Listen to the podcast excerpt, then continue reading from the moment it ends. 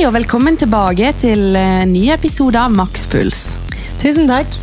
Jeg lurer på om folk hørte at det var meg, eller om de Ja. trodde det var deg. Nei, nei, de hørte det var deg. Tror du det? Ja, jeg er ganske sikker på det. Så det var ikke bra? Nei. Nei. Nei, Du skal ha for forsøket, da. ja, nei, men uh, da er vi i gang igjen, da. ja, vi er det. Og jeg har en hviskestemme. Ja. Veldig anstrengelsesfull stemme. Ingrid har fått kols. Ja, det føles sånn. Det høres sånn ut òg. Ja, det er jævlig tungt å snakke. Ja, uff, det hører jeg. Ja. Stakkar. Tvinger jeg deg til å podde? Det går jo ikke. Nei, men det var jo, altså, for oss i dag, så var jeg, i dag er det 18. mai for meg og Ingrid. Mhm. Vi er litt eh, lenger ute i måneden eh, når dere hører denne episoden, men det var jo 17. mai i går. ja. Så eh, no shit. Så hvordan var din 17. mai? Vi, Nei, hø- jeg- vi hører jo at du er preget. ja, du kan jo gjette når du hører stemmen min. Ja. Men jeg hadde en veldig fin 17. mai. Mm. Um, og jeg føler de aller fleste som har denne stemmen på Story 18. mai, har hatt det jævlig bra på 17. mai. ja, det er gjerne noe med det. Ja. Um, forskjellen på oss nå i år er jo at du brukte mye penger, og jeg tjente mye penger. ja. Fordi jeg eh, sa jo faktisk i forrige episode at Forrige, forrige episode at eh, at eh, jeg skulle ha fri på 17. mai og feire med Ingrid og kose meg. Den gang ei. Ja, du, Jeg- du var lur egentlig, du. Ja, jeg var jo det. Ja. For jeg sa da ja til å jobbe langvakt på 17. mai, altså ekstra. Og som da er veldig godt betalt. Og grunnen til det er egentlig bare fordi at jeg akkurat har bestilt sommerferie. og trenger å tjene litt ekstra kroner til det. ja. Det høres veldig fornuftig ut. Så det var ikke så mye Eller det var, jeg jobba jo på sykehjem, så det var jo feiring. Absolutt. Men eh, jeg var altså på jobb da hele dagen. Ja. Men fikk du noe champagnefrokost eller noe sånt? På jobb? Ja. Ja um, Hadde dere sånn felles frokost, eller spiser ikke dere det? Jo, vi, vi spiste jo egentlig uh, sammen med beboerne. Ja, dere gjorde det. Ehm, og så Det var ikke så mye champagnefrokost. De drakk helst melk eller eplejus. Ja, ja. Nei, jeg var jo på champagnefrokost. Ja. Um, og var veldig gira egentlig på å kose meg. Så jeg um, helte nedpå med champagne og var egentlig mer opptatt av det enn å spise frokost. ja, det er jo sykt. Ja, Så jeg sto egentlig bare og danste hele kvelden og skreik, så det er derfor stemmen min er sånn. Ja. Så gikk vi videre til Etter frokosten da, så gikk vi videre til en nattklubb i Bergen som heter Lille. Mm. Så var vi der og um, kjøpte jævlig med drikke. og Jeg husker jeg hadde fire, fire eller tre Tequila shots. ja. Jeg var dritings, liksom. Ja, men det er bra, det. Og så når vi kom eh, når vi skulle hjemover da, mot Åsane, så var vi jo selvfølgelig innom McDonald's. Og der hiver jeg meg opp i ei handlevogn, og Henrik kjører rundt Det på var, meg i den. det var såpass, ja. Ja, og jeg mista maten ned på gulvet, og jeg holdt på å le meg i hjel. Ja, det var bare sånn fucka stemning, hvis du skjønner. Ah, jeg skulle vært der. Ja, Det var egentlig veldig gøy. Ja, det hørtes kjekt ut. Ja, altså På veien når vi liksom gikk da langs veien, så var det en kompis av oss som kjørte forbi. Som så oss. Å ja. Ja, Så han plukket oss opp og kjørte oss fram og tilbake. liksom. Ja, Så det var veldig greit. det var snilt, da. Mm. Men eh, ja, ellers, da? Hvordan går det? Nei, det går eh, ikke så bra. Nei. Jeg har slutta å snuse. Ja, det er jo en sor sorgens kapittel. Ja, det er helt jævlig. Og jeg har alltid sagt at jeg skal ikke gjøre det med mindre jeg må, men nå vil jeg, for nå er jeg så lei av snus. Mm. Det er dyrt, og jeg har fått sår under kjeften, og tannlegen min sier at jeg må slutte fordi at tannkjøttet mitt går opp i Opp. Opp i hjernen. Ja.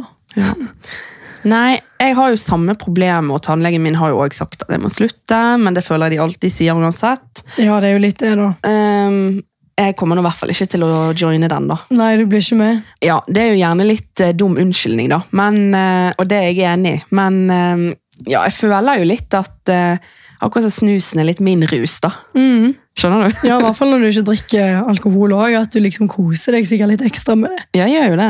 Ja, jeg hadde jo gjort det samme. Og jeg er sånn, jeg kan fortsatt, det er egentlig litt rart, men jeg pleier ikke å få det, men jeg kan fortsatt få litt sånn nikotinsjokk. Hvis jeg eksempel har spist lite og sånn. Mm. Artig. Men det er den følelsen jeg savner. Ja, Så jeg er litt sånn, nå gidder jeg ikke. Jeg må bare på prøve nå, og så ser jeg om jeg får det til. ja men det synes jeg er sterkt av deg, hvis du klarer. Ja. Dere skal få updates med tida. Ja, på, hvordan det går. Men du, du Helene, har jo òg gjort noe ganske spennende og nytt nå i det siste. Ja, Men det er jo mye mer positivt enn å slutte å snuse, da. ja, men nei, det, På en det, måte. det skal ikke du si.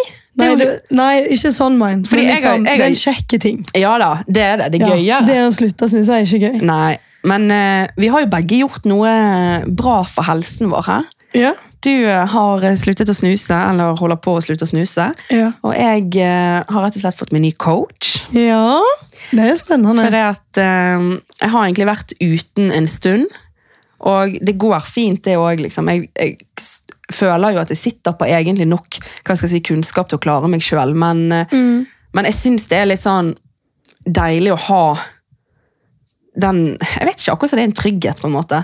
Du sender inn ukesrapporter og liksom får hjelp hele tiden underveis. Mm. Ja, nei, så Jeg har da fått ny matplan og ny treningsplan, og koser meg veldig med det. Så spennende. Jeg har jo, akkurat nå har jeg bare gått på den en uke, da, men eh, det er jo allerede syke resultater på bare den uken. Eller bare, bare seks dager, liksom, etter jeg målte og veide meg på nytt igjen. Så er var det det, noe du vil dele liksom, i, i podden? ja, jeg har delt det litt på den uh, Instagrammen min, men den er, det er jo ikke så mange som følger den. da. Mm. Men, uh, altså den trenings-Instagrammen min. Mm. Men uh, nei, på de seks dagene Nå har jo ikke målt meg siden det. Men Fordi nå er jeg i andre uke, Mm. så jeg måler meg hver søndag. da. Um, og veier meg, da. Så, men på de seks dagene så hadde jeg bare gått ned Nei, ikke bare. Bare på de seks dagene så hadde jeg gått ned 3,5 kilo. Ja. Eh, Hva var det da? Tre eller fire centimeter inn i midjen. Herregud, så spennende. Det er jo dritbra jobba, da. Ja, Husk men- at det er bare ei uke. Ja, jeg vet det. Og det ligger jo Jeg skal jo ligge i Det ligger jo et veldig stort eh, kaloriunderskudd nå. Mm. Og jeg vil bare si Jeg mister litt sånn språk av og til. Jeg vil bare si at det er ikke for alle. Mm. Det er litt viktig å si, for det er ikke sikkert at det er ikke nødvendig Ja, det er veldig individuelt, det der. Mm. Så um, Alle har ikke et mål om å gå ned, liksom. Men Nei. det er derfor jeg sier det er bra at du på en måte klarer det òg, for jeg vet at ditt mål gjerne er å gå litt ned. Ja, men jeg ville bare si det, for Mm. det liksom Det er ikke så vanlig å gå ned liksom nesten fire kilo på seks dager, liksom. Nei. Så det er, ikke, det, er en, det er ikke et ideal, på en måte. Eh, egentlig så er jo det anbefalt faktisk å gå litt langsommere. Men eh, nå, har jo, nå vil jo jeg at det skal gå litt fort, Mm. og det er liksom Det er mine, mine mål, holdt jeg på å si. Ja. Så eh, nei, det blir spennende å se fremover, altså. Det blir veldig spennende, så jeg gleder meg masse til å eh, følge med på reisen din. Jeg. Ja, og jeg gleder meg masse til å følge med på hvordan det går med den snusen. Ja, det blir spennende. Ja. Vi skal jo i denne episoden snakke om kjærlighetssorg, tidligere forelskelser og alt rundt det temaet der. Vi har jo ikke snakket så mye om det. Mm. Um, og kjærlighetssorg det er jo noe som kan få oss til å bli sjalu, fortvilet, irrasjonell, gråte i bøtter og spann og gjøre idiotiske ting for å vinne partneren tilbake. Mm. Heldigvis så er jo ikke det likt for alle. Uh, gjennom kjærlighetssorgen så frigjør vi oss fra båndet vi har til den andre. Og for de fleste av oss så klarer vi etter hvert å gå videre i livet. Mm. Men det kan også, kjærlighetssorg kan også være veldig alvorlig. Ja, det kan det. Virkelig. Uten tvil. Eh, så dette skal vi da gå mer eh, videre inn på i dag. Mm. Jeg tror det blir veldig spennende. å si. Jeg Ja. kjenner liksom at jeg gruer meg litt òg, fordi jeg syns på en måte at det å snakke om tidligere forhold eller brudd eller sånne vonde ting er, er drit. da. Det er jo drit. Ja, Og det er jo ikke det at jeg på en måte bryr meg nå, sant? som i at å, jeg er kjærlighetssorg, liksom. Nei, men, Men det er, jo, det er liksom det å grave i driten, men det kan være veldig interessant. ja. Og jeg tror det er viktig at vi snakker litt om det òg, så kan folk liksom bli litt kjent med oss på den biten. Og så tenker jeg sånn, vi er jo begge to i lykkelige forhold, og Ja. er på en måte såpass eh, over for, negativ fortid, på en måte, i den forstand, at uh, det er ikke noe problem å snakke om våre erfaringer rundt kjærlighetssorg. da. Ja, du har rett i det, altså. Og jeg tror at akkurat når det kommer til dette temaet, så er det ekstremt mange som vil kunne relatere og kjenne seg igjen. Mm. Ja, det er det. Nei, men um, har du noen gang opplevd sånn skikkelig kjærlighetssorg? Vet du hva? Jeg vet faktisk ikke helt. Nei. Det er så sykt å si, men det er sånn Jeg føler at jeg kan forstå hva kjærlighetssorg er, og hvor jævlig vondt det er. skjønner du? Men jeg vet ikke helt om jeg har opplevd det sånn skikkelig. Nei. For jeg har jo bare én eks. Mm. Og eh, sånn, jeg, vet, jeg har til og med vært litt sånn usikker på sånn, kan jeg kalle det en eks. på en måte, For Mm. jeg var så ung. Liksom, Vi ble sammen når jeg var 15. Men du vet at kjærlighetssorg kan være vel så tøft når man er 15. Ja, det vet jeg. Ja. Men skjønner du, i dag, siden det er på en måte så mange år siden, Mm. eh, mitt forrige forhold og mitt forrige brudd, liksom, så er det så urealistisk å nesten se tilbake på det og tenke sånn der var jeg i kjærlighetssorg, liksom. Skjønner du? For du vokser jo til du blir voksen, du modner Ja, jeg vet ikke. Men eh, ja, nei, jeg føler at jeg sikkert hadde det der og da.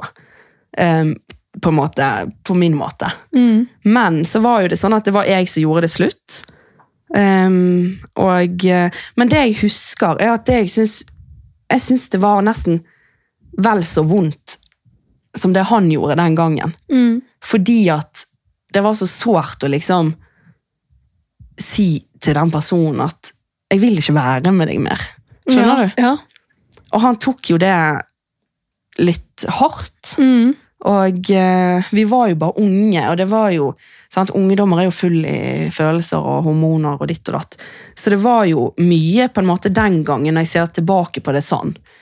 Eh, så det var jo sikkert en form for kjærlighetssorg eh, vi gikk gjennom der. Men eh, Var du liksom mye lei deg og sånn? ja, jeg var Ja. lei meg veldig mye i begynnelsen. Mm. Du har nok hatt en kjærlighetssorg da? Og så tror jeg at mye av grunnen til at jeg var lei meg, var fordi at jeg syntes litt synd i han. og ja, Det var litt sånne ting, men det gikk jo egentlig ganske fort over. og eh, siden det, og dette er jo mange, mange år siden, Mm. og siden det så har jeg egentlig Jeg har vært i sånn nesten-forhold og sånt, så jeg kommer litt tilbake til. Ehm, og vært forelsket og ditt og datt, men jeg har ikke hatt en kjæreste, liksom. Jeg har ikke vært i et forhold ehm, siden det og frem til jeg er i det forholdet jeg er i nå. Mm. Ja, får håpe at du ikke opplever kjærlighetssorg i det forholdet du er i nå. Ja, uff, men det er det. Når jeg tenker på kjærlighetssorg, så tenker jeg på mitt nåværende forhold. Sånn, Ja. Hvis det hadde gått til helvete nå, liksom, så tror jeg det hadde gått Da tror jeg jeg hadde kjent Altså, nei, jeg, uff. Jeg syns det nesten er jævlig å tenke på det. Ja, det er litt skummelt å tenke på det òg, for det, det er så sårt. Ja, da tror jeg jeg hadde gått virkelig i kjelleren, Ja. altså. ja, det er jo Ja, det tror jeg på. Ja, Men du, da? Har du opplevd kjærlighetssorg? Eh, ja, jeg har eh, opplevd eh, forskjellige kjærlighetssorger, hvis jeg kan si det på den måten. Ja.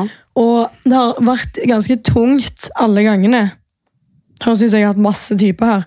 Eh, tre, tre kjærlighetssorger har jeg hatt, liksom. Ja. Um, og liksom De var jævlige, men de var veldig forskjellige. Ja. Så for eksempel det første forholdet var på en måte det første forholdet jeg hadde. Mm. Og bare det på en måte å miste den første kjæresten din, det tror jeg er litt rart, uansett hvordan du vri, vi, vrir og vender på det. ja. Det er jeg enig i. Liksom, det trenger ikke å være det at det var sånn skikkelig forhold, og at det var så mye følelser der. Det var mer egentlig det at liksom Det var den første kjæresten din, og du var så vant med det. sant? Ja. Og så plutselig så skal du ikke ha den personen der lenger. Nei. Mens i andre forhold så føler jeg jo jeg var jo eldre. Ja, sant? det. Og ting var jo seriøst på en måte. Mm. Men um, der var det jo òg vennskap til slutt. liksom sant? Sånn, det første forholdet var ikke så mye vennskap etterpå, det andre var det vennskap i. Så det er veldig mye forskjellige ting liksom, i den sorgen som gjør at de blir forskjellige. Ja. Og på det siste da, så var det jo, ble jeg jo knust, liksom. ja. Så da følte jo jeg ja, det var helt jævlig, faktisk. Vil du si at det var den verste kjærlighetssorgen? Ja, og det syns jeg er litt rart, fordi det er ikke fordi at jeg hadde plent mer følelser. Nei. For det hadde jeg absolutt ikke kontra andre. sant? Nei. Men eh, det var vel mer måten det bruddet skjedde på, Ja. som gjorde at jeg eh, følte meg stygg, følte meg ikke bra nok. Mm. Du føler deg liksom, du føler alt er din feil, da. Jeg føler ofte at kjærlighetssorgen kan på en måte òg mye avgjøres ut ifra hvordan den andre personen i forholdet da behandler deg Ja. under prosessen. Det er liksom det. Hvis på en måte vi fortsatt har respekt for hverandre og respekterer hverandre og sånt, og på en måte bare at det ja, ikke er stygt, mm. som du sier, så tror jeg at gjerne det er noe lettere. Ja. Selv om det alltid vil være vanskelig med, med en sånn ting. Men jeg kjenner jo veldig på det samme som deg, for det er jo sånn de, Disse kjærlighetssorgene har gått veldig fort over for min del. Jeg tror kanskje jeg har vært lei meg i sånn to uker. Ja, ok. Skjønner du? Ja. Så det er derfor jeg sitter igjen og tenker at det er en grunn til at det er på en måte at det ikke var at det ikke ble noe. Mm. Men var det, spørsmålet mitt er, var det du eller de som gjorde det slutt? Det, var jeg, det er jeg som har gjort det slutt. Alle gangene? Uh, ikke første gangen, tror jeg. Nei. Første forholdet. Nei. Det tror jeg det var begge, egentlig. Ja. Men eh, det siste er det jeg som har gått. ja. Så det har jo på en måte vært um, Jeg vil jo tro at det kan være verre for den andre parten, Ja, jeg tror kanskje det, altså. Men samtidig så er det nok ikke så lett, liksom, hvis man er veldig glad i hverandre, å være heller den som må ta det valget. Nei, det er det det ikke er, men jeg tror også at det gjorde at på en måte min kjærlighetssorg ikke var så jævlig. Ja. Skjønner du? Jeg Du- klarte egentlig fint å gå videre. Du ble ikke forlatt, liksom. Nei, det var liksom jeg som forlot, på en måte. Mm. Og tanken, sånn som du sier på eksempel mista, Hvis jeg hadde mista Henrik nå, det hadde vært en million ganger tungere det, eller tyngre enn det det har vært før. Ja, det er det jeg òg Det er jeg helt sikker på, men det er fordi at jeg kjenner liksom at han er den riktige. sant? Ja, det er det. Og det kjenner sikkert du òg på, at det er så sterkt. liksom. Ja, ja, 100 At hvis du for eksempel diskuterer med Lukas, da, eller jeg krangler med Henrik, eller så kjenner du på den der redselen liksom, sånn skikkelig at dette er ikke kjekt. liksom. Mm, veldig. Gjerne litt sterkere enn det du har kjent før. Ja. Ja, nei, det er vanskelig, altså. Ja, det er jævlig vanskelig. faktisk. Og det er jo sånn baksidens medalje, eller hva man sier. Begynner du med sånne metaforer nå? um, Åh. det er jo på en måte Ja, hva skal jeg si? Når, hvis du elsker noen veldig høyt, Mm. så vil jo òg faren for at du blir fullstendig sønderknust, være til stede. Men så er det sånn Skal man leve, liksom? Ja, Eller er skal man gå rundt og være redd for at uh, man skal bli knust og forlatt hele tiden? Ja, det er det. Altså, du vet, du, Ting kan jo henge igjen etter du har eh, opplevd kjærlighetssorg. sant? Mm. Som for eksempel eh, redselen for å miste noen. Ja. At det for henger igjen hvis du går videre i et nytt forhold. ja. Og det er mange sånne ting jeg føler har hunget litt igjen i meg, som gjør at jeg har vært redd for å miste eksempel Henrik. sant? Mm. Eller at jeg har levd i det forholdet litt sånn med høye skuldre noen Ja. ganger. sant? Men det, altså, med tida så har jeg jo også lært at det er ikke verdt å liksom være så jævlig redde Nei. og bruke tid på det negative når det er en helt liksom, Du er et helt nytt forhold som ikke har noe med fortida å gjøre, egentlig. Ja, det er det. Men vi har så lett for å gjerne dra noen ting med oss. Men jeg også føler hvis du har vært i et dårlig forhold, eller, Mm. og så kan du være litt sånn, sånn som du sier med eh, skuldrene høyt hevet, liksom, Mm. og være redd for at de dårlige tingene skal være, skje her òg, liksom. Ja. Det er jo ikke bra. At du, du får liksom sånn Du er på med en gang, liksom. Ja, Du blir livredd. Og man må jo se det at Jeg tror det kan ødelegge mer det nye forholdet enn det gjør det godt. hvis du Ja, skjønner. det tror jeg også. Og jeg tror at vi mennesker må bli litt flinkere på å tenke sånn Vet du hva, jeg har ikke, jeg har ikke kontroll over fremtiden. Mm. Og være litt sånn Det som skjer, det skjer. Og hvis jeg elsker han, og han elsker meg, så er det oss to. Ja. Og da ordner det seg, på en måte. ja, jeg tenker også det. Og så på en måte være litt chill med det. Men se nå, hvis, Vil du leve i et forhold sant? der du på en måte alltid er redd eller overtenker eller øh, Ja, overtenker Mm. mye, sant? Eller også liksom ikke ha det bra. Eller vil du være i et forhold der du på en måte har det bra, og så kan du heller bli knust den ene gangen hvis en faktating hadde kommet på bordet? Nei, jeg vil heller bli knust. Ja, så Du vil heller bli knust Ja. den ene gangen Ja. enn å gå i et forhold og liksom overtenke hele tida. Ja, jeg vil ikke komme til det stadiet der jeg liksom tenker Ja, men jeg visste det. Ja, Skjønner sant? Ja. Du vil Fordi da, heller da har jo ikke du det hatt det bra på veien. Nei, det er det. Jeg tenker at Det er en grunn til at noen velger å være sammen med deg. Ja, det er liksom det. Og så føler jeg at du ødelegger litt for deg sjøl hvis du skal hele tida på en måte dra inn kjærlighetssorgen fra andre forhold. da. Ja, det, det er et veldig godt poeng. Ja, liksom dra med seg driten videre. Ja, veldig sant. Mm. Men nå er jo det sånn at uh, vi har nå gjerne kysset en del frosker begge to. Ja. Um, Å, jeg dør. og uh, vært så heldig at Hva er det vi sier? Uh, Endte opp med prinsen. Ja. Det er jo det vi har. ja, det har vi. Så det må jo vi bare være supertakknemlige og glad for. Ja. Men eh, kan du huske din første forelskelse? Ja. Um, jeg husker ikke noen i, i detaljer av ting, da. Men uh, jeg husker at jeg var 13 Mm. Uh, når jeg liksom ble forelska i han her duden, da. Ja. Og han var jo en del år eldre enn meg på den tida. ja. Så jeg husker jo at jeg syntes det var sykt stas og kult. og liksom Han var så mye eldre, og folk visste hvem han var. og Spilte fotball og Skjønner du greia? Ja, ja. Um, og jeg tror egentlig bare at jeg ble liksom forelska liksom, Jeg vet ikke hvordan jeg skal forklare. liksom Bare sånn på en, gjennom en fest eller noe. Ja. Jeg tror jeg begynte å feste, feste ungt. ja, det tror jeg på. Så Ja. Nei, men det var liksom Det er ikke noe som kan sammenlignes i dag. Når jeg tenker tilbake på det, så var jeg fjortis. Ja, ja, men det, Skikkelig drittunge, liksom. det er jo sånn. Ja. Eh, men det var veldig, veldig bra og kjekt forhold, liksom. Jeg er glad for at det var på en måte At det ble sånn, da, hvis Ja. du skjønner. Ja. Vi var jo sammen i mange, mange år. Eller Ja. et år eller to. Jeg husker ikke. Nei. Men vi, det var liksom skikkelig, et skikkelig forhold, da. Ja. Ja. Men det er jo helt nydelig. Ja. Så vokste vi ifra hverandre. Sånn er livet. Ja. Jeg tenker, det er, jo, det, det er jo de svært færreste som er sammen med den første de forelsker seg i. Liksom. ja, sånn det er. Resten av livet, mener jeg. Ja. Men jeg har nok hatt et øye til folk før det.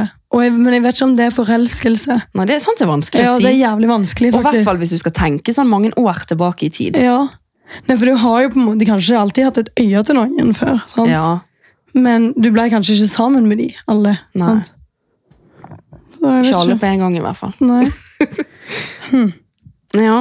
Nei, har du opplevd noen forelskelse? Eller din første forelskelse? Um, jeg tror egentlig bare at jeg har vært forelsket tre ganger.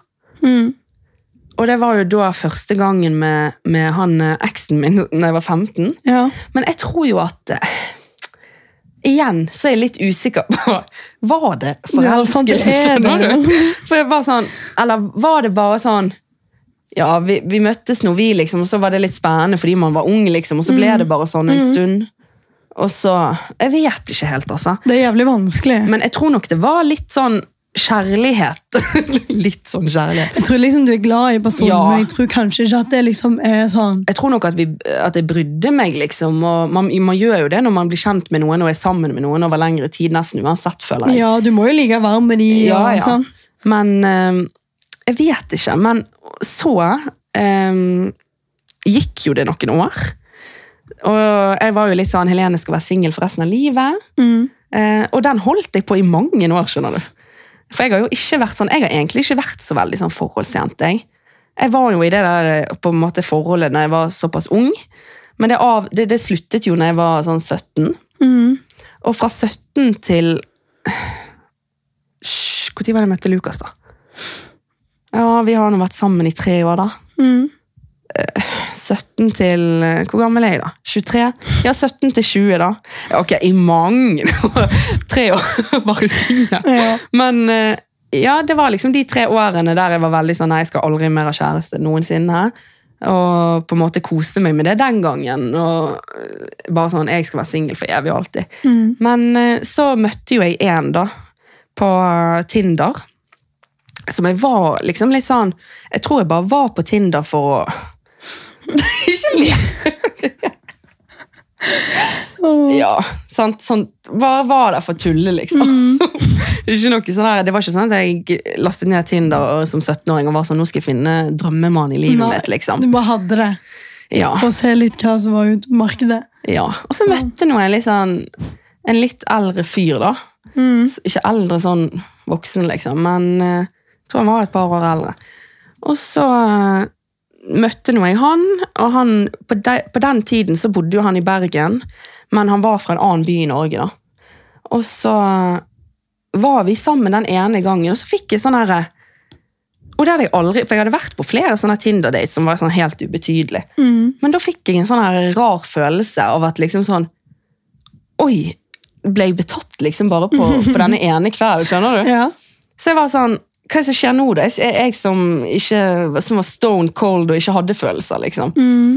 Um, og så uh, fant jeg jo Så ble jeg litt sånn her uh, sjokkert av meg sjøl, husker jeg. Og så ble jeg litt ehm, Begynte jeg å liksom se hvor han var på SnapMap og sånn etter jeg hadde vært med han. Og, uh, det var, jeg husker at Hvis jeg ikke husker helt feil, da skulle vi møtes, og så sa han et eller annet om at han skulle jobbe eller noe. Og så plutselig så ser jeg at han er på SnapMap ser jeg at han er i byen. Oh, herregud. Og så da ble jeg sånn psycho. Ja, men det kan være han jobbet i byen, da. Nei, han gjorde ikke det. Ok. Han kjørte lastebil. oh, herregud. Så da var jeg sånn Ja, riktig. Skjønner du? Da følte jeg igjen sånn Oi, nå begynner jeg. Hva, er dette? Hvorfor reagerer jeg på det? Bryr jeg meg igjen, liksom? Og da husker jeg jeg var sånn Oi, dette er ikke så bra.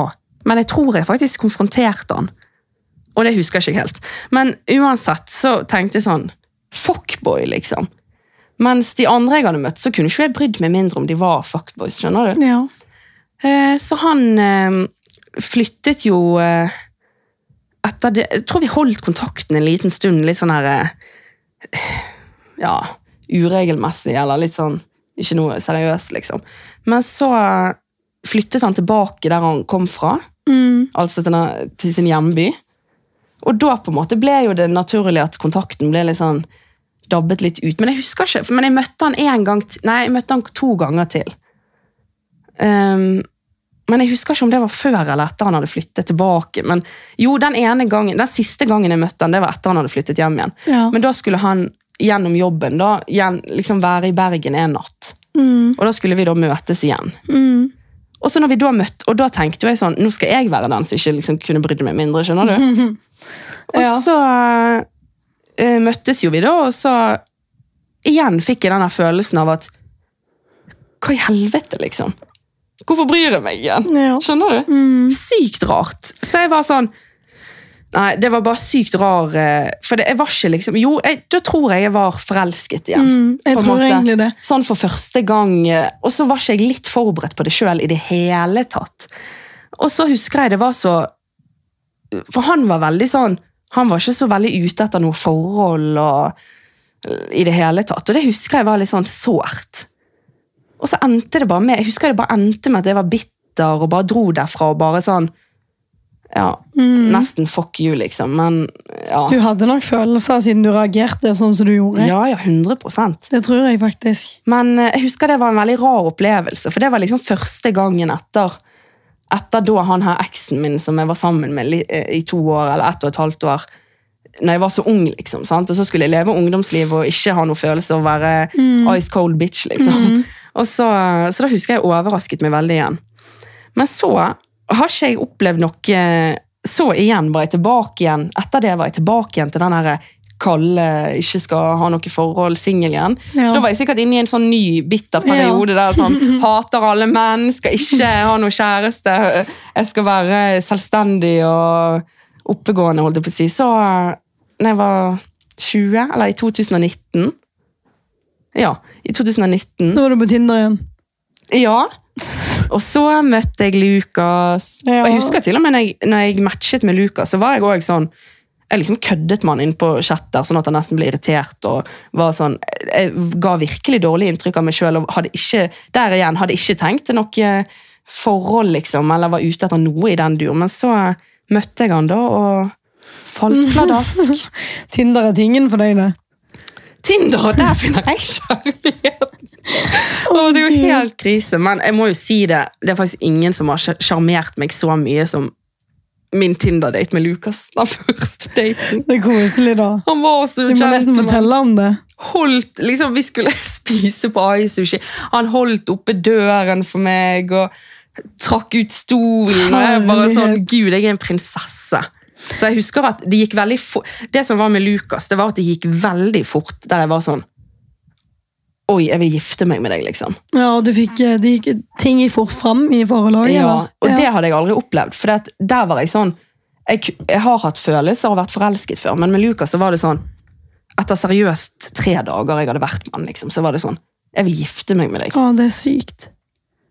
Han må jo ha vært den der type gutten så, du vet sånn, som viser alle de beste sidene av seg sjøl Ja. de første ukene der. Så går det tid og stunder, så kommer gamingen og tar over. Vet du. så kommer liksom de negative sånn snikende inn. Oh. Nei. Men Nei. det er bra at du likte daten med han, og at du har det bra med han. jeg endte opp heldig, altså. Men um, hvor var vi egentlig? Vi snakket jo om dette her med første forelskelse. Ja, Du sa at du hadde vært forelska sånn tre ganger. tror jeg. Ja, det er ikke mer. Tror jeg òg har vært kanskje det. Sånn tre ganger. Ikke. Ja, sånn ordentlig, sant? Ja, kanskje to. Ja. Ja, to. Men uh, har du noen gang Hvordan liksom, var forelskelsen til Henrik i forhold til de andre? Jeg føler liksom at det er på et annet nivå nå. Hvis jeg kan Ja. forklare det på den måten at Er du enig i at nå når vi er i denne alderen her, eller når vi møtte liksom, liksom Henrik og Lukas og sånn, at i denne alderen på en måte, at akkurat er det er mye sterkere? Ja. At du blir nesten sånn, nesten enda mer fjortis enn når du var fjortis, for du blir sånn ja. Jeg føler egentlig kanskje at det, det som er litt forskjell, er at vi på en måte er bestevenner og samboere og har samme drømmer, Ja. hobbyer, liksom På et annet nivå. Det er ikke Mm. sånn at du bare sier sånn «Ja, 'Jeg har lyst til å gifte meg med deg og være sammen med deg for alltid'. Mm. Du kjenner bare at du har lyst til å være sammen med den personen for alltid. Ja. Det er liksom så mye sterkere følelser, og på en måte Jeg har aldri vært så glad i en person før som det jeg har vært i med han. Nei. Ehm, ja, det er vanskelig å forklare, egentlig. Så har vi jo gått igjennom jævlige ting òg sammen. Som jeg tror gjør at du blir sterk liksom, av noen ting, da. Det tror jeg òg. Ja. 100% Men jeg tenker jo at sånn som Det er jo, det er jo egentlig helt nydelig. Ja, det er jo veldig bra.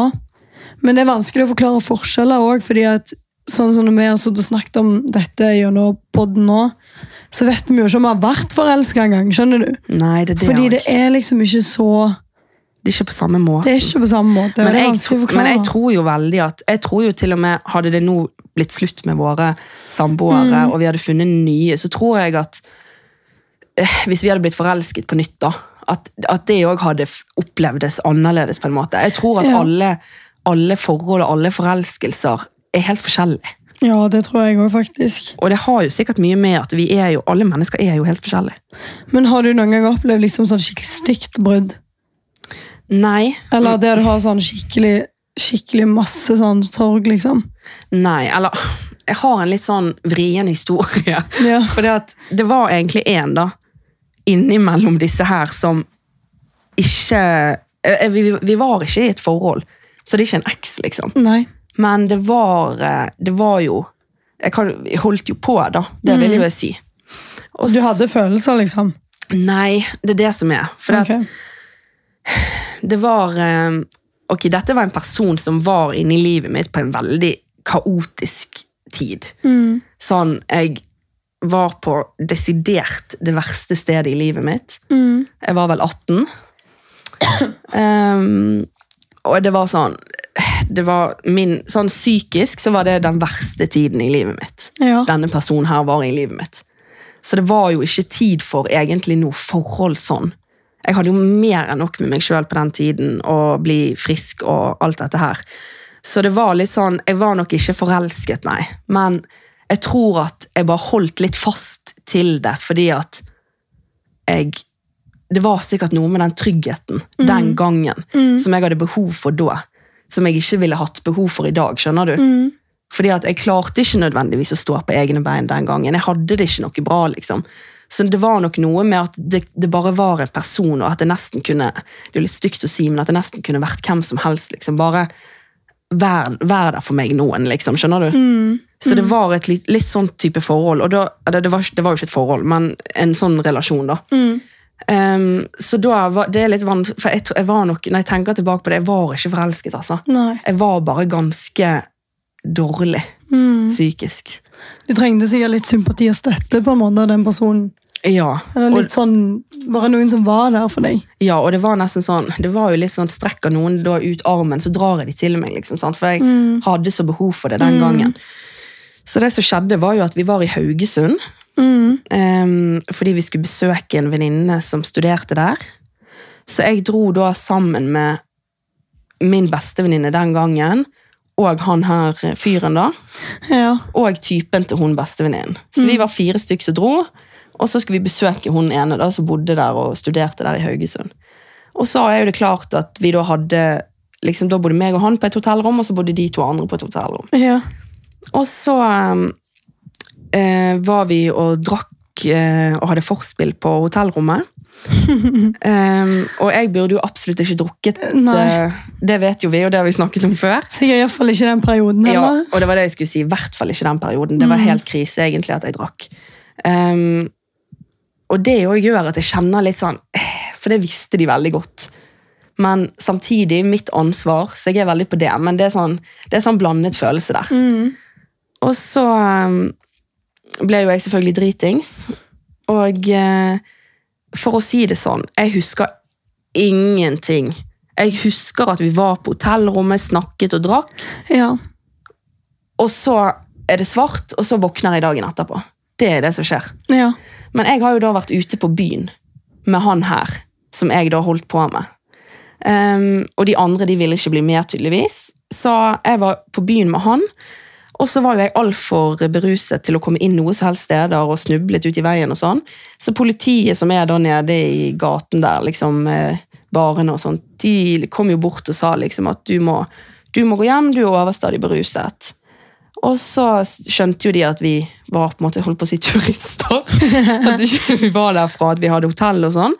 Så de spurte da denne personen som jeg da holdt på med, om han kunne følge meg tilbake til hotellet. Mm.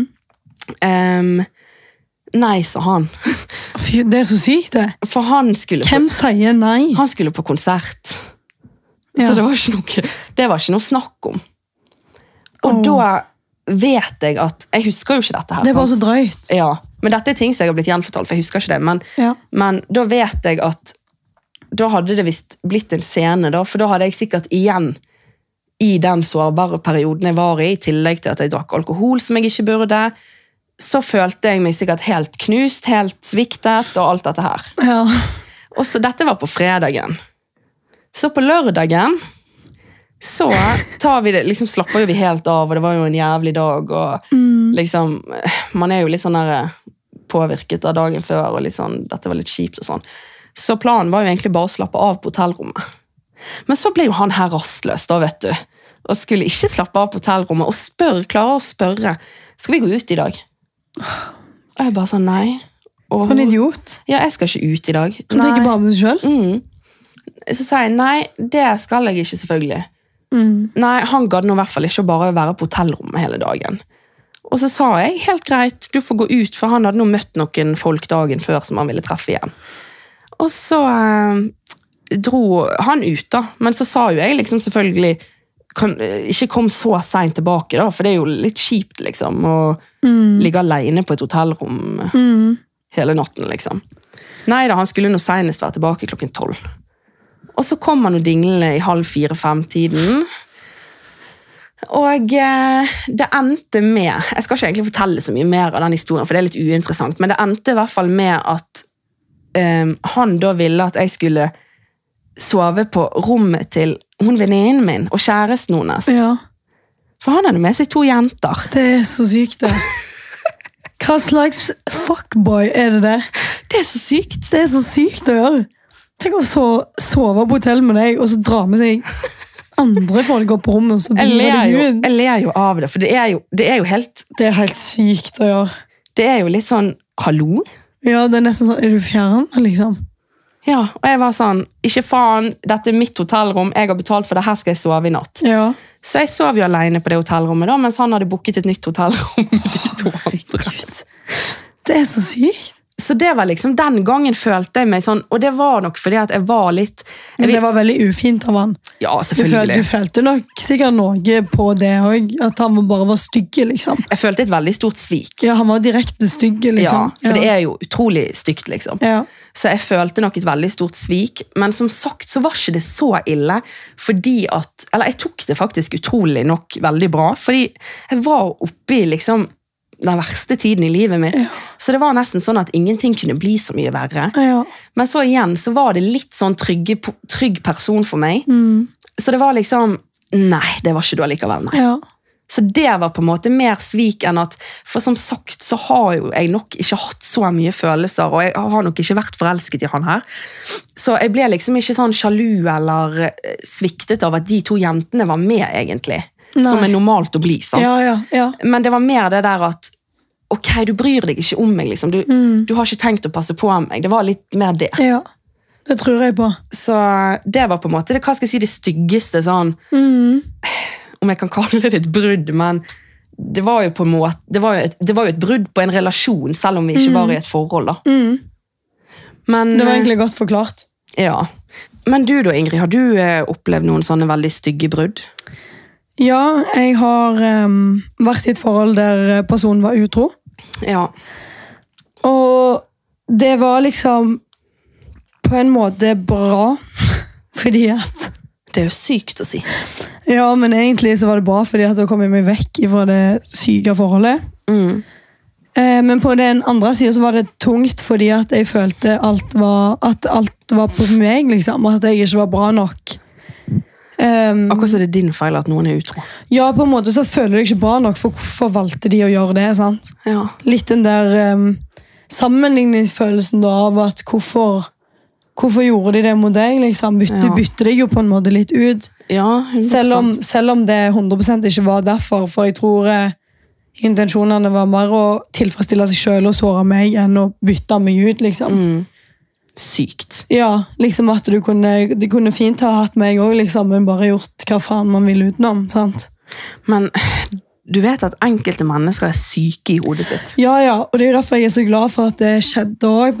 At jeg har kjent litt på det sjøl òg, hvordan Jeg vet ikke helt. Det var jo jævlig sant, drit der og da, men det var på en måte godt å kjenne litt på at han var så idiot som jeg Mm. trodde, liksom. Ja. Og visste. ja, for du hadde følt det litt sånn før det Ja, skjedde? ja, eller? 100 Det kom ikke liksom som lyn fra kom ikke som noe sjokk. Nei. Så ehm, Altså, du så han litt komme, rett og slett? Ja, og så er det jo egentlig litt det der med at du vokser på det.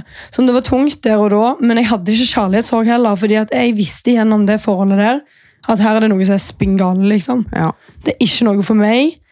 Og jeg vurderte faktisk mange ganger å gå sjøl òg, før det, fordi at jeg var så usikker. ja. Det var nesten en litt sånn billett ut for deg, da. Ja, Det var ingen Ja, faktisk. Det var egentlig bare forklart, ja. Ja. For det var, det var ikke så mye følelser der, det var nok mer bare en en liten verden jeg var i. Men var det da lett for deg å bare si ha det? Ja, Fuck off? Ja. det var det. ja, men det er jo veldig bra, egentlig, oppi, Ja. det, oppi det tragiske, da. Det var faktisk veldig greit. Så nå har jeg jo kjent på det, og jeg tror du vokser en del av det, hvis du skjønner.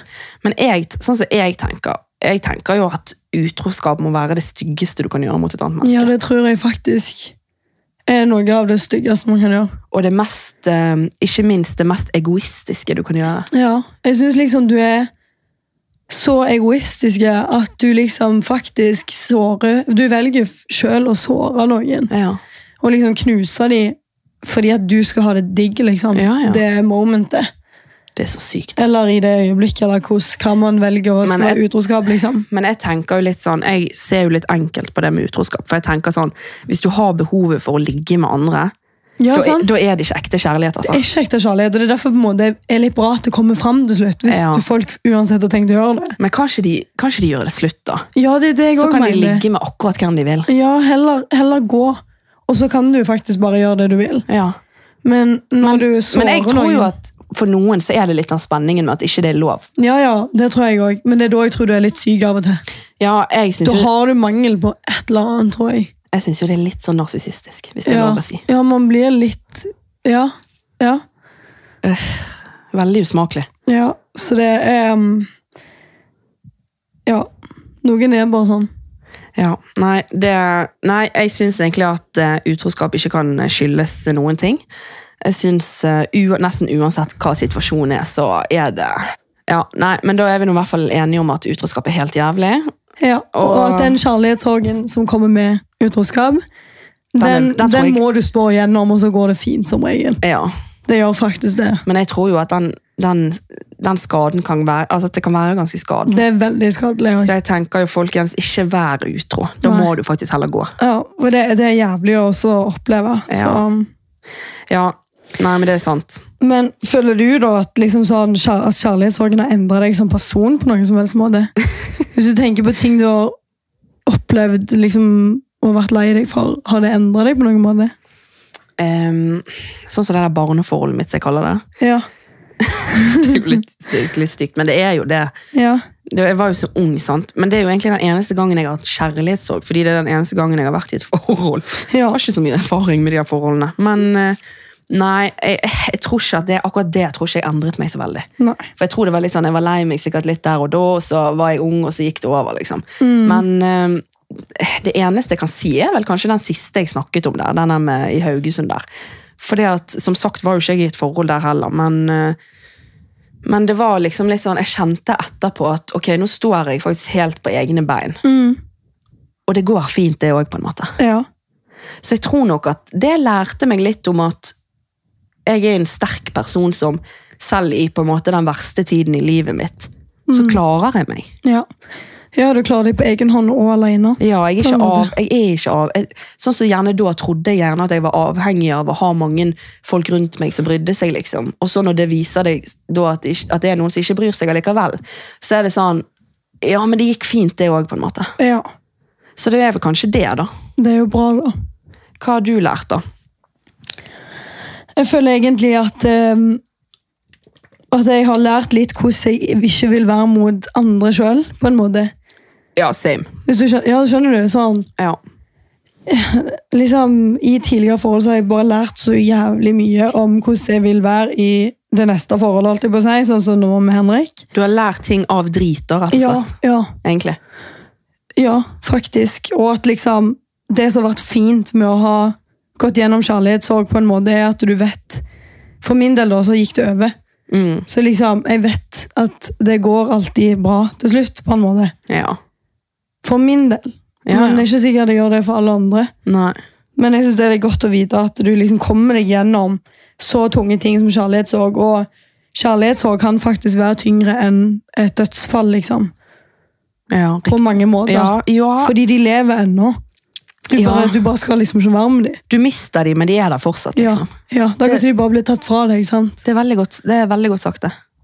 Ja, så det. Sånn tror jeg jeg hadde følt det hvis det hadde skjedd nå. Ja, sant?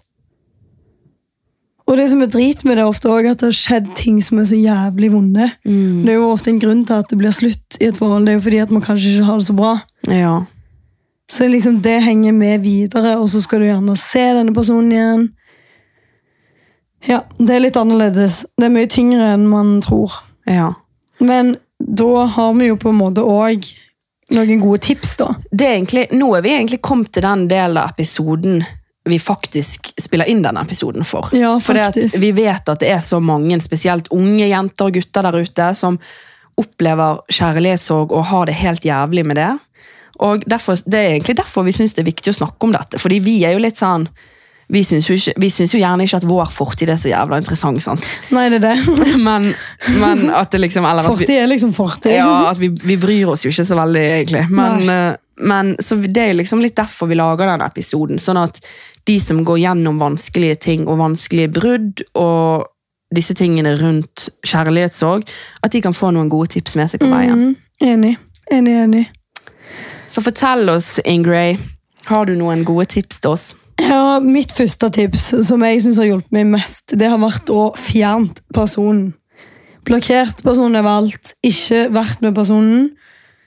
ikke sett personen, bare ikke vit om personen i det hele tatt, liksom. Mm. Um, fordi at når du på en måte har mulighet til å oppsøke de, så får du se ting du ikke vil se, som regel. Mm. Eh, eller så får du høre ting om personene som du ikke vil høre. Ja. At du bare tar totalt avstand, liksom. Ja. Fordi at hvis ikke så har man så lett for å snoke i ting du egentlig ikke vil alltid ha svaret på heller. ja, det er det. Sant? Hvis du stiller for mange spørsmål, så kan du få hjernesvaret du ikke vil ha. Ja, men det er litt sånn hvis du for eksempel ser story av at folk er ute og fyrer, eller er med noen andre. Altså det, det er bare sårende. Mm. Og sår, sårt er det uansett. Og det var jo sånn, det kan jo jeg også si, det er veldig lurt. For det at sånn som Mm. med meg, det er sikkert mange som har gjort sånn som jeg har gjort tidligere, og begynt å gå inn på Snap, eller hva heter det, SnapMap, og Ja, hvor er den personen? ja og det er jo sånn. ikke bra. Du blir jo gal. Ja. Da er det bedre på en måte bare å være litt sånn faen, skikkelig nysgjerrig på hva personen gjør, uten å få litt selv svaret på det. ja, for til slutt så dabber den nysgjerrigheten av, altså. Ja, den gjør det. Det gjør det, Ja. selv om det føles intenst der og da. Så jeg synes egentlig det er kanskje en av de viktigste, eller de beste tipsene, liksom. Mm. Distansere seg litt. Men så er det òg liksom en ting som er jævlig viktig, og det er å føle seg sjøl bra. At du liksom gjør ting som er bra for deg sjøl òg, oppi det hele. Det tror jeg er det beste Jeg tror faktisk egentlig også det. Gjør ting som gjør deg godt, ja. Tving deg liksom gjennom å gå på skolen eller på jobben. Tving deg gjennom rutinene dine. ja. Eh, og liksom kanskje ta litt ekstra vare på hvordan du ser ut. Og Mm. det, liksom Tren litt hvis du får det til å føle deg bra. Mm, gjør det som får deg til å føle deg bra. Og eh, ta og pynt deg. Ta fine bilder til Instagram hvis du syns det er kjekt. Ja, Ikke at du må det, liksom, men, men litt sånne ting som gjør at du tenker sånn Ja, det var litt sånn, det var en god følelse. Ja, jeg er veldig enig. Ja. Nei, det er mange ting man kan gjøre. altså. Jeg tenker jo også sånn For eksempel det å faktisk kjenne på sorgen òg, tror jeg er viktig. Mm. sant? Istedenfor å på en måte drikke det vekk, eller bare feste konstant. ja, og der igjen blir jo det på en måte en motpart til det vi sa først med at du skal blokkere. For det at, ja, det bør man, men man bør også tillate seg å sørge. Ja, du skal liksom Men du trenger ikke å følge personen selv om du Nei, er sørger. det. liksom. Men bare kjenne liksom på savnet. Mm. Kanskje liksom kjenne at du faktisk er ganske lei deg, for eksempel, hvis det har skjedd noe stort. eller... For ellers så vil gjerne kjærlighetssorgen vare lengre, eller det vil inn, innhente deg seinere. Ja, 100 Når du egentlig kanskje heller kunne vært over det. ja, Så det er jeg veldig enig i. ja. Bli ferdig med driten. Og det, det er litt det samme også med eksempel det at liksom, prøve å få svar på alt med en gang. Skjønner du hva jeg mener? sånn? Istedenfor å gå tenk som faen på ting, så vil jeg heller tipse folk om å egentlig snakke ut skikkelig og ha en skikkelig samtale med den parten du har vært sammen med, og så bare bestemmer deg for at ting er lagt dødt etter det. Mm. Skjønner du? At du ikke sitter igjen med spørsmål som kanskje er litt viktige for deg. Det er sant. Finn, Sant. Få den avslutningen du trenger. Ja, at du kan slappe litt av med det som har skjedd. At Ja. du ikke liksom sitter der og lurer på ting. Jeg har jo en annen ting som em, personlig jeg syns er ekstremt viktig i en sorgprosess. Og det er jo å omringe deg av gode venner og familie. Ja, det er sant. Folk- At du ikke sitter alene. Ja. Ja. Det er veldig, veldig godt å bare være med noen og snakke om det. ja. Heller det nesten enn å sitte alene og begynne å søke på telefonen. Ja. og Tenk deg liksom heller hvor mye mer kjekt det er å være med noen venninner og sitte og snakke om det til de. Mm. Det de kan få deg til å føle deg bra. ja. Så det er jo faktisk et veldig godt tips. da. Ja, det er det. Og så er det noe med at gjerne når du snakker om det, så blir det gjerne ikke så dramatisk som det er i ditt eget hode når det sitter og kverner for deg sjøl. Liksom. Ja, det er det. Du kan fort overtenke når du er aleine. Ja. Mens noen andre kan si sånn Skjerp deg, Ingrid. Liksom. Sånn skal ikke du føle. Det er liksom helt latterlig at du skal føle det sånn. Ja. Man kan begynne å liksom gi seg sjøl skyldfølelse for ting og tang. og man, man har veldig lett til å liksom gi seg sjøl skyld ofte. Mm. Og være stygg med seg sjøl. Og det tror jeg er lettere å unngå hvis du er litt åpen med de som, med de som bryr seg om deg, og de som er nær deg. Mm, det tror jeg òg. Men jeg tror sjøl òg at jeg hadde nok gått ut litt og gjort gøye ting. Ja. Ja. Liksom bare Ja. Få deg sjøl til å ha det bra, rett og slett. Mm. Det tror jeg er det beste. Beste tinga. ja. Det er ikke så mye annet å gjøre, nesten. er det det? Nei, jeg tenker ta tiden til hjelp. Og så er det noe Ja. med det der at det kan høres litt sånn, når du er midt oppi en sorg som er veldig intens for akkurat deg, der og da, så er det sånn Hvordan skal jeg si det? Det, det kan være litt sånn verdiløst å høre at det blir bedre, du vet alt det der. Ja. Når folk sier sånn, det kan være sånn, ja, hold kjeft liksom, jeg har det helt jævlig. Mm. Det blir ikke bedre, sant? for det føles ikke sånn ut. Um, og det som er farlig med det, er jo nettopp det at det er ikke alle som har klart å se så langt frem i tid. Nei. Som har klart å tenke at ja, men en dag har ikke det så vondt som dette her. Mm. Og det er jo på en måte det som kan være litt skummelt. Ja. Um, derfor derfor syns jeg at den åpenheten er ganske viktig. Og bare stol på dine nærmeste når de sier til deg at dette går over. Ja. For det gjør det. ja, det gjør Det det. er ingen som fikk kjærlighetssorg i 20-årsalderen, og så sitter de på gamlehjemmet og gråter av den samme kjærlighetssorgen når de er 90. Det er bare ikke sånn livet fungerer. Nei, det er det. Man har liksom så, livet har så mye å by på. Så selv om det er så intenst som det bare kan være der og da, så blir det bedre. Og jeg tror det er noe med at det er viktig å bare stole litt på det. Ja. Godt sagt. Veldig bra sagt. Ja. Psykolog og terapeut Helene Andersen her nå. Ja. Da tenker jeg at vi går over til eh, dagens spalter. Ja. Fordi at når vi snakker litt om triste ting, sant? og litt sånn positive ting òg, egentlig, for det er jo mange gode tips. Men eh, vi må jo kjøre i gang med ukens lytterspørsmål. Det må vi jo. Og da er det første spørsmålet hva er vårt favorittreisemål? Jeg var jo litt usikker på den, for at Ja. Jeg tenker jo sånn at gjerne spørsmålet er ment som sånn av der du har vært. Ja, Siden det er favorittreisemål, liksom. ja jeg tror det Og er det. ikke sånn drømmereise. Mm. Um, favorittreisemål må jeg kanskje si enten eh, Nice i Frankrike. Ja. Det var helt nydelig. Jeg var der med min bror i, i 2019. Eh, og så Da var vi også i Monaco, og Monaco var helt amazing. Kult. Men vi er fattige, så Monaco det er ikke for eh, fattige mennesker. holdt jeg på å si. Det, der var det sånn En bagett kostet 400 kroner, liksom. Så Monaco er liksom sånn alle kjendisene og rike folkene reiser til. Så det var liksom bare en dagstur inn der, da. Men det var ganske Det, var, Det var- sikkert kult å få med seg. ja, og, eh, men ja, jeg syns det var dritfint der. Det var så koselig. Og så må jo jeg si Tyrkia, da. Det at, eh, og det er jo egentlig bare fordi at det er liksom hjemmet mitt nummer to. Ja. Du har sikkert masse sånne gode relasjoner derfra. Ja, jeg føler jo at jeg er sånn hal halvt oppvokst der, liksom. Ja. Det var jo sånn når vi gikk på barneskole og sånn, eh, og, eller ja, skole generelt, og hadde ferie eh, Ferie om sommeren, ferie om høsten, ferie om vinteren, ferie om påsken, liksom. Så dro vi alltid dit. Ja. eh, i hver eneste ferie. Så det var liksom det å komme hjem, da. Og den følelsen av å komme hjem, den må jo nesten stå under favoritt. Ja, det tror jeg på. Mm. Du, da? Mitt favorittreisemål er Bali. Ja, det er det fineste stedet du har vært? Nei, det er mer det, det jeg likte liksom godt å være der. Ja. Tropisk, varmt, lite land. Mange syke opplevelser. ja. Er det et lite land? Ja, jeg vil jo si Det tar ikke så lang tid å kjøre gjennom Bali. liksom. Nei. Ellers er det Marbella, kanskje, men det er jo det er fordi at jeg liker meg så godt i Spania, og så syns jeg at Marbella har veldig mye fint og veldig mye bra. Jeg føler Marbella, jeg har aldri, vært, jeg har aldri vært i Marbella, men jeg føler Marbella er sånn Sånn som man ser, hvert fall, så ser det ut som at det er sånn Det har alt, liksom. Ja, det har ganske mye, faktisk. Mm. Og så er det veldig mange som snakker som at du må være så jævlig rik for å bo der og være der, men du trenger ikke hvis du ikke vil. De har helt vanlige spanske priser der òg, liksom, hvis du vil. Trenger ikke å bruke Nei. Du må liksom ikke booke bord på topprestauranten, liksom. Nei. Men du har litt muligheten til det, da. Ja, det er jo nydelig. Ja. Sånn var det ikke i Monaco. Der kunne du ikke gå på en rimelig restaurant. Nei. Der var det bare, Alt var bare dyrt. Ja, sant. Det var ikke én klesbutikk som ikke var sånn Gucci. liksom, Det var bare sånne ting. Det var sånn eh, kasino, er det det det heter? Ja.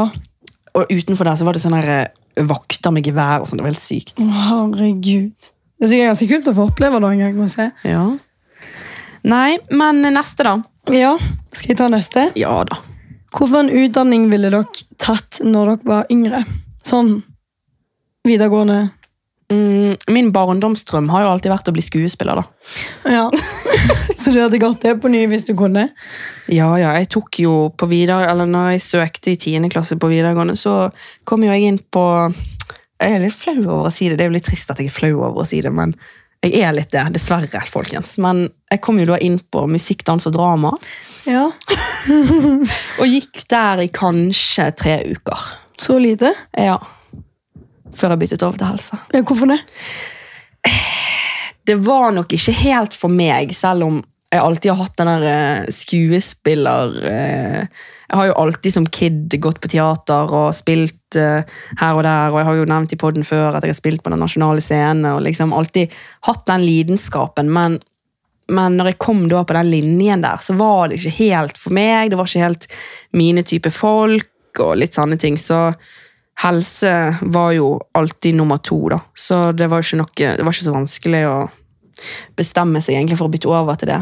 Og så har jeg nok alltid hatt en liten drøm om å bli sykepleier òg. Ja. Så det er liksom det.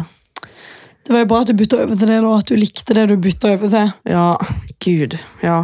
Men det hadde vært kult hvis du var skuespiller. ja men eh, det er jo det, er jo det der nåløyet, da, vet du. Ja, men det er aldri for seint. Det er litt lettere å komme inn i helsevesenet. på jobb der. Men Ja, det eh, hva var var det. din drøm, da? Å bli influenser? Nei. Overhodet ikke. Jeg tror kanskje at min drømmeutdanning hadde vært sånn type ambulanse. Ja. Arbeider, eller Det var faktisk sykepleier, liksom. Ambulanse var faktisk min òg en stund. Ja. Jeg søkte, Etter VG1 så søkte jeg på ambulanselinjen. Fordi da kunne du gå fra VG1 så kunne du gå fra ambulanselinjen på VG2, men jeg kom jo ikke inn. Nei, det er det. Nei, så jeg tror egentlig det var det. Mm. Ja. Spennende. Mm. Tannlege òg husker jeg hadde lyst til å bli en periode, men jeg kan jo bare se langt ifra. Fy søren, så kjedelig. Ja, sant? Jeg òg syns det. Jeg Jeg tenker, ikke hvor jeg har fått ifra. jeg tenker sånn, skal du ta Ok, no hate til alle tannleger der ute, altså. For det er jo, vi må jo ha de òg. Men personlig skulle jeg tatt en så lang utdannelse, noe jeg ikke hadde gjort, men hvis jeg skulle gjort det, så hadde jeg i hvert fall blitt lege. Ja, jeg ser den. Men jeg tror det er lettere å bli tannlege enn vanlig lege. Tror du det? Jeg, tror, Trodde- jeg tror det, trodde det var litt mindre snitt, ja. men jeg er ikke sikker. ja, kanskje. Og så tror jeg kanskje, kanskje ikke det er Det er jo bra betalt, men jeg tror ikke det er liksom Men altså, tannleger må jo leve med det at de er jo de mest hatede folkene i samfunnet. Nei, Jo. ikke de mest hata. Jo. Alle hater jo tannlege. Jeg gjorde det da jeg var liten, ja. Ja, Men det er jo ingen som liker tannlege. Nei, nei kanskje du ikke syns det. Her snakker jeg for alle Ja, jeg, jeg kan ikke relatere helt. Fordi at Syns du det jeg hater ikke tannlegen. Han gjør jo bare jobben sin akkurat som legen, legen gjør. Ja, jeg har full respekt for det. det er ikke det. Men det er ingen som, alle gruer seg. Du gruer Ja, ja. ikke deg til legetime, men alle gruer seg til en tannlegetime. Ja, det gjør man jo, men jeg hater ikke tannlegen, liksom. Nei, ikke sånn personlig. Nei, Men, men, Men jeg syns ikke det er digg nei, når de begynner å ta fram boren i kjeften. liksom. men de, liksom, jeg tenker at tannlegen må jo vite at idet de sier 'gap opp', ja, så sitter jo folk og tenker sånn Fuck off, egentlig. ja, man gjør jo det. Og så er det sinnssykt dyrt med tannlege. Det er jeg enig i, og det er jævlig irriterende. Og de tar ennå ekstra betalt for helse så, ekstra helsetillegg etter korona. Altså, Jeg måtte jo rett og slett få meg nye tenner i Tyrkia. Ja. For det er jo så dyrt i Norge. Å, fy faen. Ja. Ja, ja, det var jo ikke dumt, det, da. Nei da, det var et godt kupp, det. Ja. Ja, Har vi okay. flere? Hvordan har Ingrid fått så langt hår? Det er det siste spørsmålet i dag. Mm, nå skal dere høre. Nei, fortell du.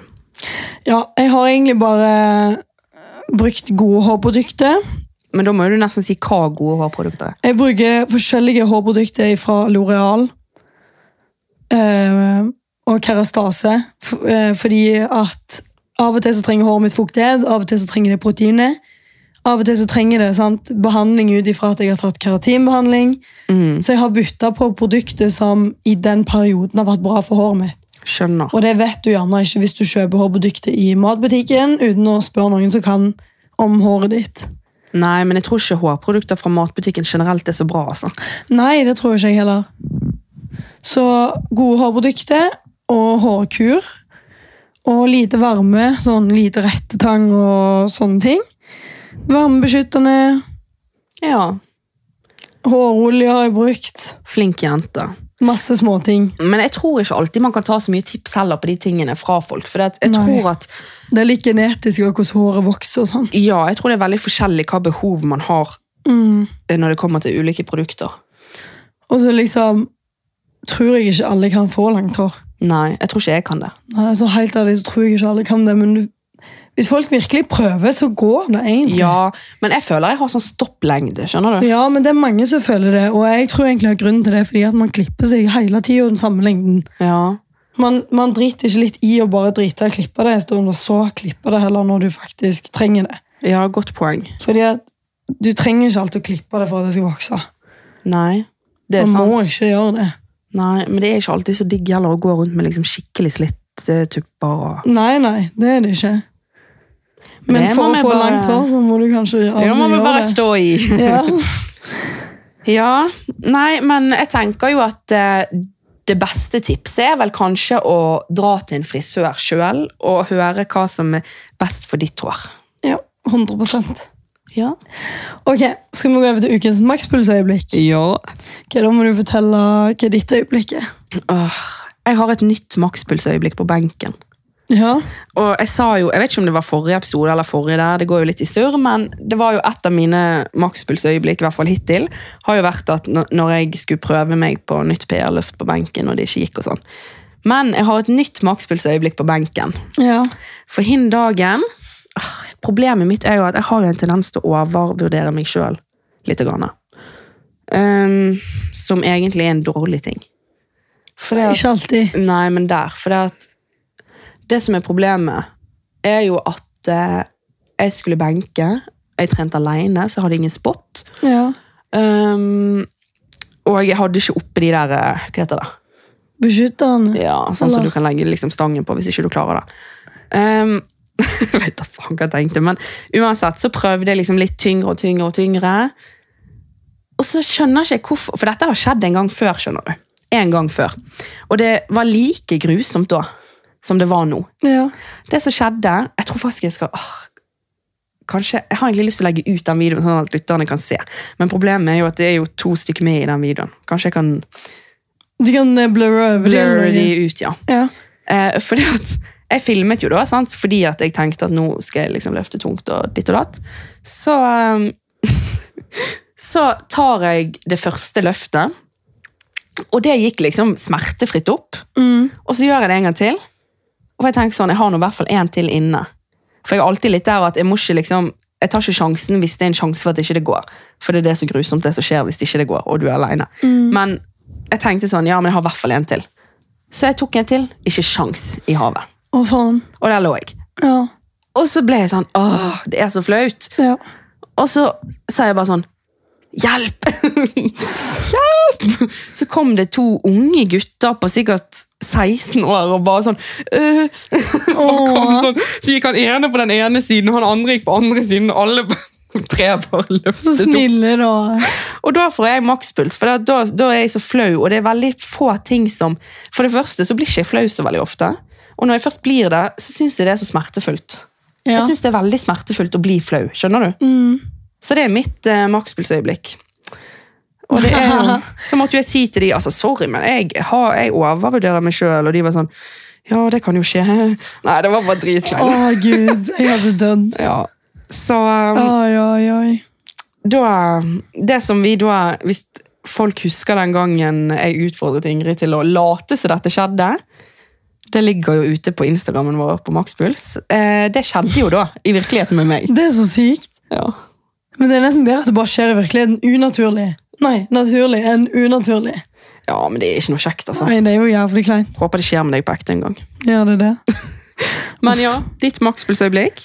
Eh, det må være eh, nå når jeg var i Gran Canaria med Henrik. Ok. Og det var et veldig fint øyeblikk. Da tok vi masse vann i badekaret. Eller vi hadde sånn boblebad på soverommet. Ja, det så jo vi dere la ut bilder av. Ja, Og så hadde vi det view, som vi liksom dro opp gardinene.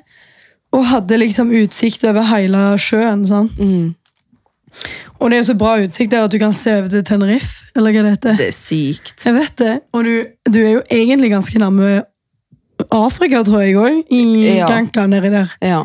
Så liksom, det er helt sykt, for det er liksom panorama, vannutsikt, Ja. så langt øya kan se.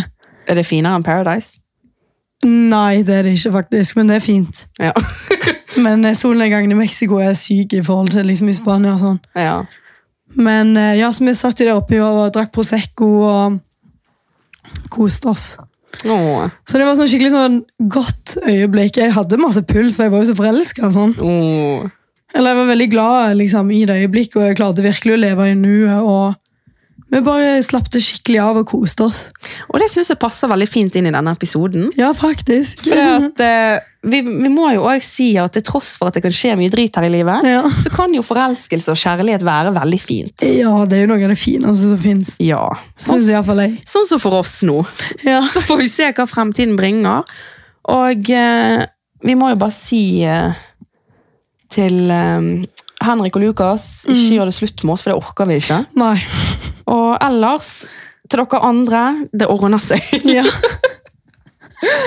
Å nei. Nei, men uh, vi tenker jo det at uh, vi må runde av nå. Ja, nå tror jeg vi må runde av. Jeg har skamvondt i halsen nå. Ingrid må legge seg. Og jeg er dødtrøtt. Ja. Hun må rett i seng, og jeg må hjem. Ja. Så husk å gå inn og følge oss på Makspuls på Instagram med to s-er. Ja. Så snakkes vi i neste episode. Det gjør vi. Ha det! Ha det!